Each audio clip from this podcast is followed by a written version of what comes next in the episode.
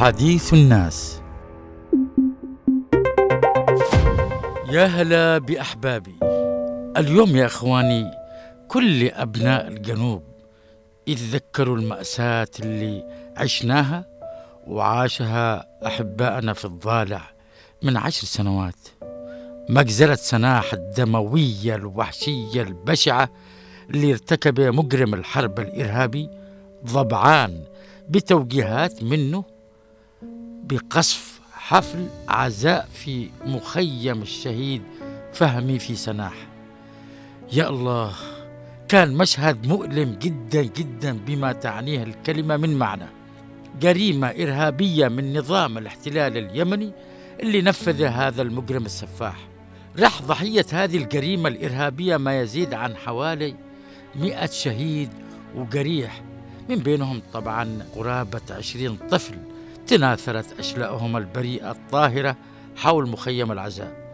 يا إخواني هذه المجزرة من أبشع مجازر الحرب اللي ارتكب المحتلين اليمنيين في الجنوب في الضالع في سناح تحديدا.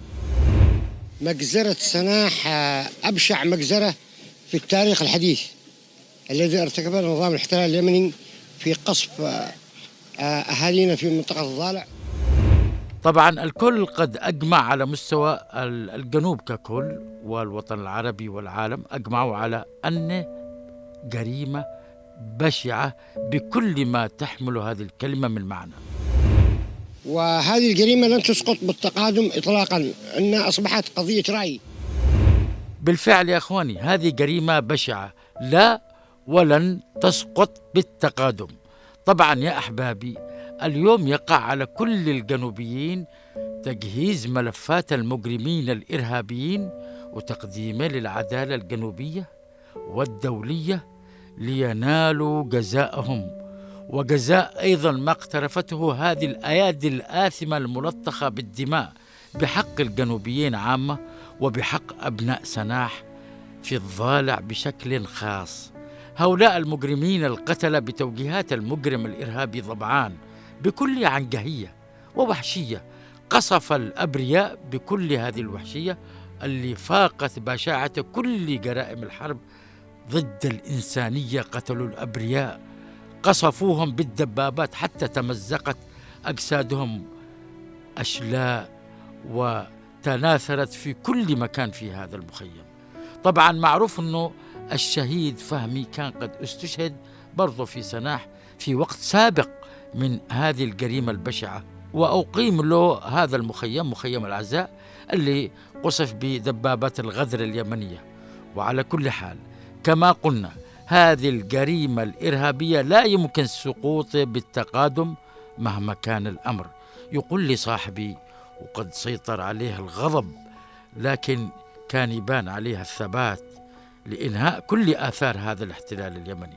قال لي شوف اسمع الأمر واضح جدا دناءة ووضاعة مرتكبي هذه الجريمة البشعة.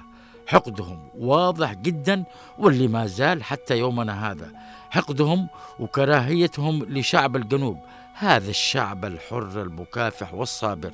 لذلك لابد من ملاحقتهم ومحاسبتهم حيثما كانوا. قلت له بالتأكيد لا يمكن تمر الجريمة البشعة دون عقاب. ونحن وراهم وراهم حتى إحقاق الحق ويقدموا للعدالة. وبعدين ما نشتي ولا أثر لهم في أرضنا. ما نشتيش يا أخي لهم أي موطئ قدم عندنا. وتحت أي مسمى يمشوا ويحاسب المجرم منهم.